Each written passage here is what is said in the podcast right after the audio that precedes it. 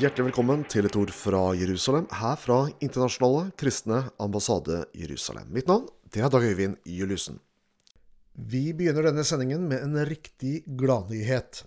Israelske forskere har funnet et antistoff som kan nøytralisere koronaviruset i kroppen.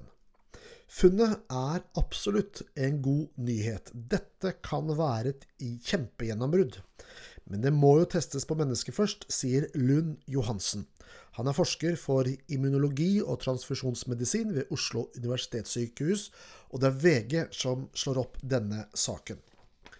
Ifølge pressemeldingen som eh, denne nyheten bygger på, fra Israels forsvarsminister, så forsøker det israelske instituttet nå å ta patent på stoffets formel.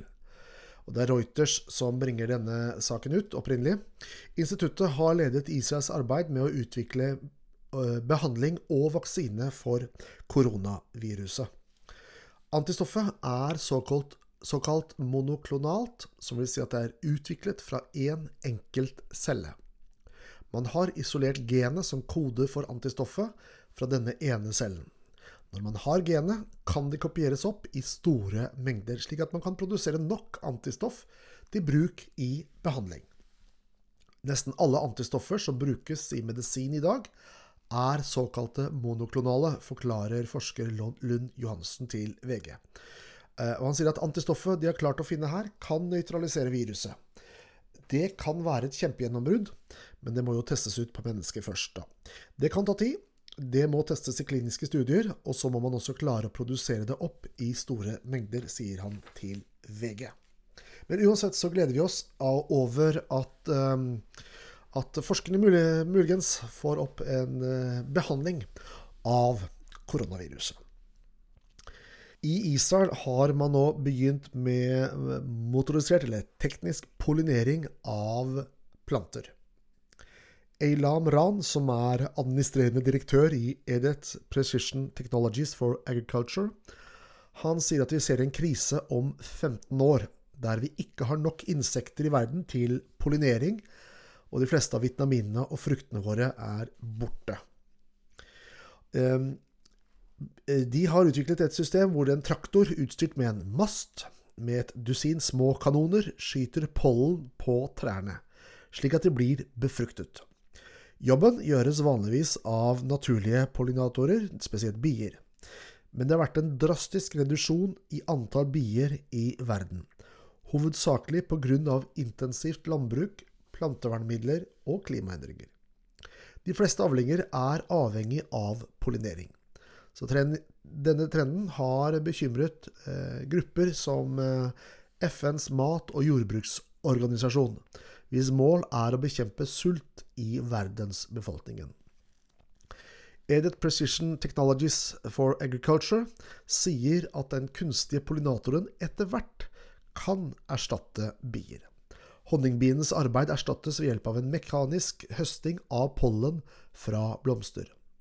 Det avsluttes med en målrettet distribusjon av pollen ved hjelp av LIDAR-sensorer, den samme teknologien som brukes i noen selvkjørende biler. Det tyske politiet gikk eh, nylig til verks mot fem nettsteder knyttet til den libanesiske organisasjonen Hizbollah. Myndighetene fulgte opp dagen etterpå med å utstede et nytt vedtak eh, som forbyr aktiviteter fra gruppens politiske fløy i Tyskland. I fjor ba det tyske parlamentet regjeringen om å utvide et eksisterende aktivitetsforbud for, fra Hizbollahs militante fløy til også å å omfatte den politiske gren. På det tidspunktet hadde tjenestemenn advart og sagt at et slikt trekk var juridisk vanskelig fordi Hizbollah ikke har noen offisiell tilstedeværelse i Tyskland. Innenriksdepartementet sa likevel at dekret som ble gitt nylig, forbyr all virksomhet til støtte for gruppen i Tyskland, inkludert bruk av symboler eller publikasjoner. Hizbollah-tilhengere har iscenesatt årlige antiisraelske marsjer i Berlin i flere år. USA og Israel ønsket Tysklands vedtak velkommen, eh, og eh, denne gruppen er forankret i Libanons sjiamuslimske samfunn og har nære bånd til Iran. Den amerikanske ambassadøren Richard Grenell oppfordret andre land i EU til også å forby Hizbollahs aktiviteter, og sa at gruppen ikke kan få lov til å bruke Europa som en trygg havn for å støtte terrorisme i Syria og over hele Midtøsten. Den israelske utenriksministeren Israel Katz sa på Twitter at Hizbollah er en terrororganisasjon og må behandles som sådan. Når dette er sagt, så kan det legges til at eh, norske myndigheter har gitt økonomisk støtte til eh, å bygge opp helsevesenet til Hizbollah i Libanon. Nå skal vi lytte til sangen Habitu Elav, som betyr 'se opp til ham'.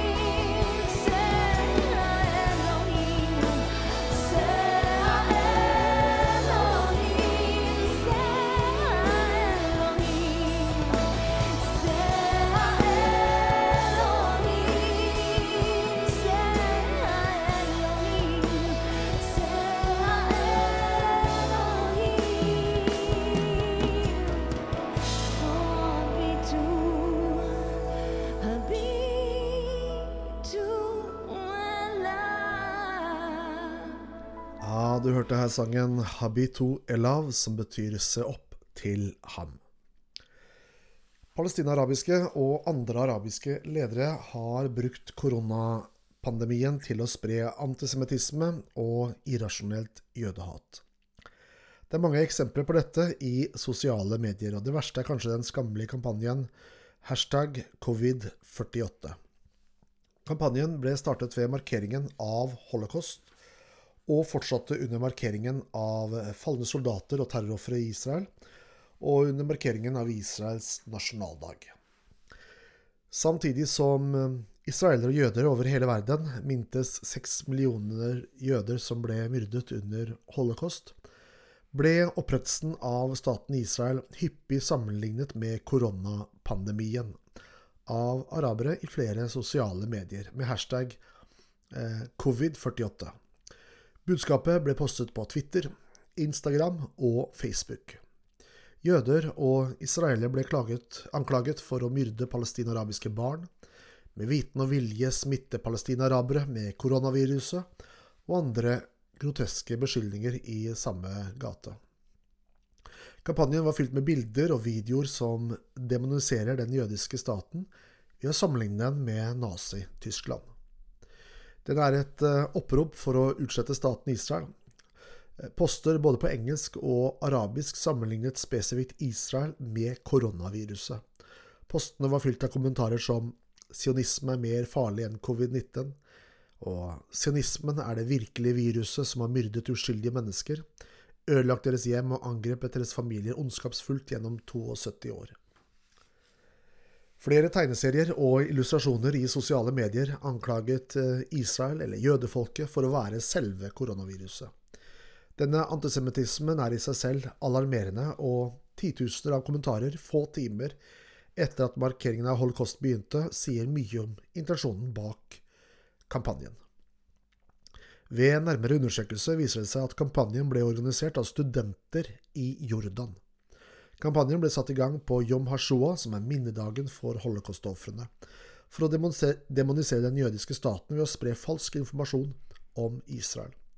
I løpet av 30 minutter var posten en trend på Twitter i Jordan. Vi lever i en epoke hvor eh, Antisemittisme er på frammarsj, og hvor Israel ofte trakasseres og demoniseres, både i internasjonale medier, men også i ulike organisasjoner globalt. Vi i Internasjonale kristne ambassade i Jerusalem har eksistert gjennom 40 år, fra 1980, fra 1980 og fram til i dag. Og vårt utgangspunkt er at vi ønsker å bygge en bro mellom kirken og det jødiske folk. Vise jødene at det finnes et kristenfolk i verden som ber for dem, velsigner dem og setter pris på dem. Eh, hvis du vil vite mer om vårt arbeid, så kan du besøke oss på icej.no, eller du kan følge oss på Facebook, og du finner oss under ICEJ Norge. Ja, du har lyttet til et ord fra Jerusalem, fra Internasjonale kristne ambassade Jerusalem. Mitt navn det er Dag Øyvind Juliussen, og jeg takker for følget. Ha det riktig godt.